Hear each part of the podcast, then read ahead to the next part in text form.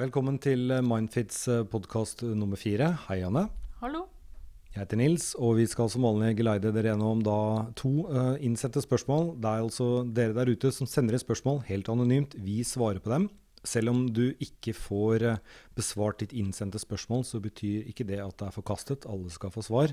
Hvis det er noen spørsmål som ikke egner seg, så, så vil man da svare uh, eller yte hjelp via mail. Men så må vi vel også bare si det at det, det er jo spesifikke spørsmål som er personlige, men det du klarer å gi, Anna, er jo generelle svar. Det må nesten bli sånn da vi ikke kjenner hele situasjonen. Første spørsmål. Hei, jeg er en 33 år gammel ung dame. Har aldri hatt et langt forhold til en mann, og det er jo noe jeg selvsagt ønsker meg. Har fått høre mange ganger at jeg må lære meg å slappe av. Det menes vel at jeg ikke må være så opphengt i den andre personen. For det har vært tider der jeg har vært veldig opptatt av å ha oppmerksomheten til det motsatte kjønn. Og da har det også blitt en del dumme ting jeg har gjort for å få den oppmerksomheten. Dette har jo selvsagt noe med selvfølelsen min å gjøre. Hvordan kan jeg lære meg å slappe mer av, ikke være så opptatt av å få oppmerksomheten og styrke selvfølelsen? Jeg synes vel egentlig at jeg er ei flott jente, jeg bare prøver for hardt for å bli likt. Hva kan jeg gjøre for å få slutt på de dårlige vanene og trangen etter oppmerksomheten? Ja, eh, jeg håper jo at eh, denne eh, unge dama etter hvert finner seg noen som hun opplever kan anerkjenne og akseptere og sånn som hun er. Av og til er det jo også kanskje sånn at en leter etter partnere som ikke er de beste for en heller, da. Eh, det handler jo om erfaringer en har med seg fra før av. og og jeg hvert har erfaring med at en del uh, av de som går og skal få hjelp hos meg, de havner i mønster der de kanskje finner feil type menn òg, da. Og det kan være den type menn som ikke gir den oppmerksomheten, eller tryggheten, kan du si, som gjør at du slapper av og kjenner at du er bra. Men uh, hvorfor er det sånn at folk går i sånne mønster? Uh, jeg tenker at det handler litt videre om det hun snakker om som, som gjelder selvfølelse, da. For selvtillit er jo én ting. Det er jo mer knytta opp til ting en får til som en vet en er god på. Men selvfølelse er noe som er litt større enn det, som handler om å anerkjenne seg sjøl sånn som en er, med både gode og dårlige sider. Uh, og for noen av oss er det jo sånn at, at den gode selvfølelsen, den følelsen at vi er verdt noe i oss sjøl, kanskje vi er litt sånn usikre på det. Og det handler jo mye om erfaringen en har fått med seg òg, at en ikke har helt den tryggheten på det. Og så kan en bli veldig opptatt av å måle det ut ifra hvordan andre liker oss, så, så, kan en kanskje bli for mye opptatt av det. At en leter litt etter anerkjennelse i andre, istedenfor å stole liksom på at ja, men jeg er bra nok i meg sjøl.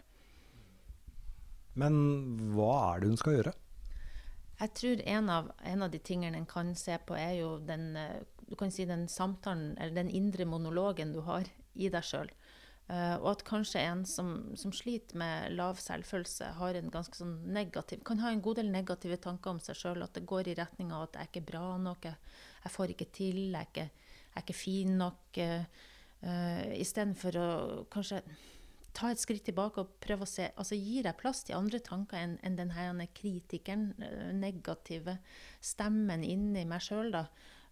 En burde jobbe med å se etter alternative, positive tanker også på et vis eh, eh, Kanskje blir det litt sånn at en ikke legger merke til det de gangene en, en, en, får til noe, eller kjenner at en er bra nok heller, for en er så vant til å tenke de gjerne mer negative tankene om seg sjøl. Så, så, så, en god løsning er jo å begynne å registrere det alternativet positive. At en, at en ser at en får til ting, at en faktisk begynner å legge merke til at en får ros. Altså, en del av de folkene som strever med, med lav selvfølelse, de legger jo ikke alltid merke til det engang når en får anerkjennelse, for det er så uvant. Altså, det passer ikke i mønsteret deres.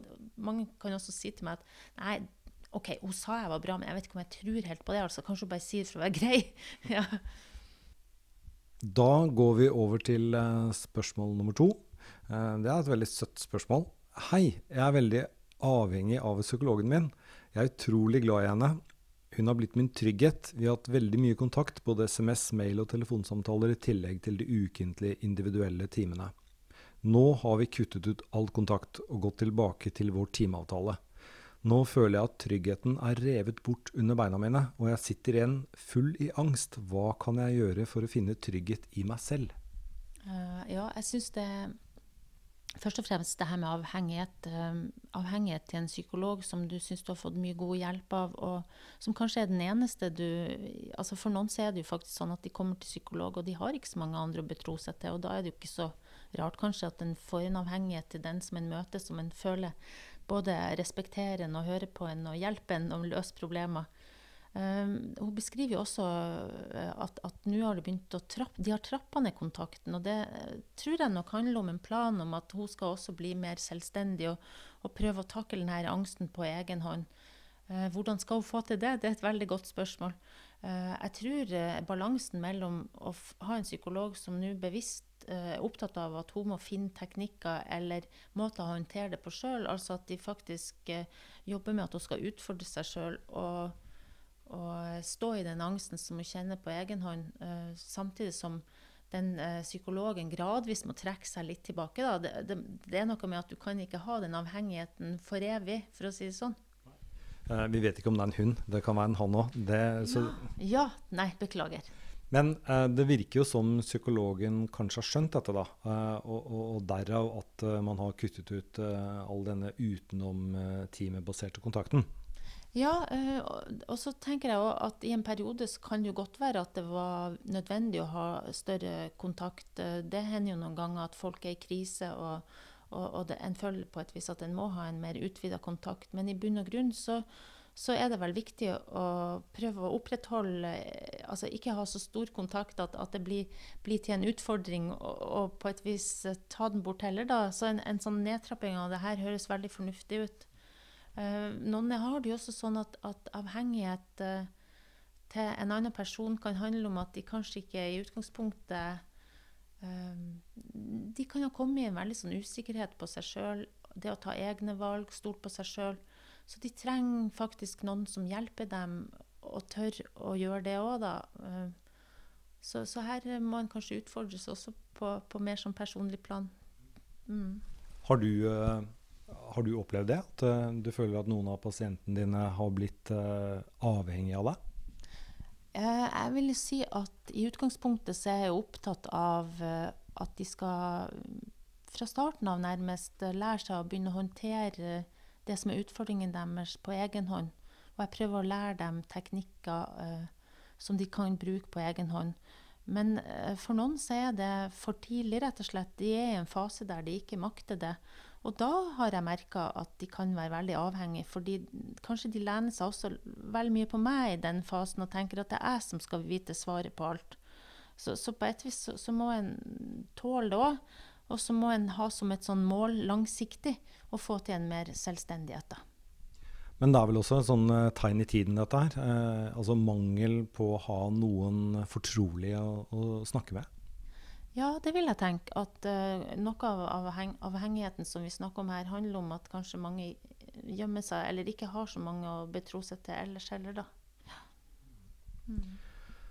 Det var det. Mm. Vi er gjennom Mindfit podkast nummer fire, og vi skal da si at uh, hvis du har sendt et spørsmål, de ikke har blitt besvart, de blir besvart neste gang. Og til alle dere andre, er det noe du lurer på, så skriver du inn spørsmålet. Du er anonym. Vi svarer på spørsmålene i disse podkastene. Ha det bra. Ha det.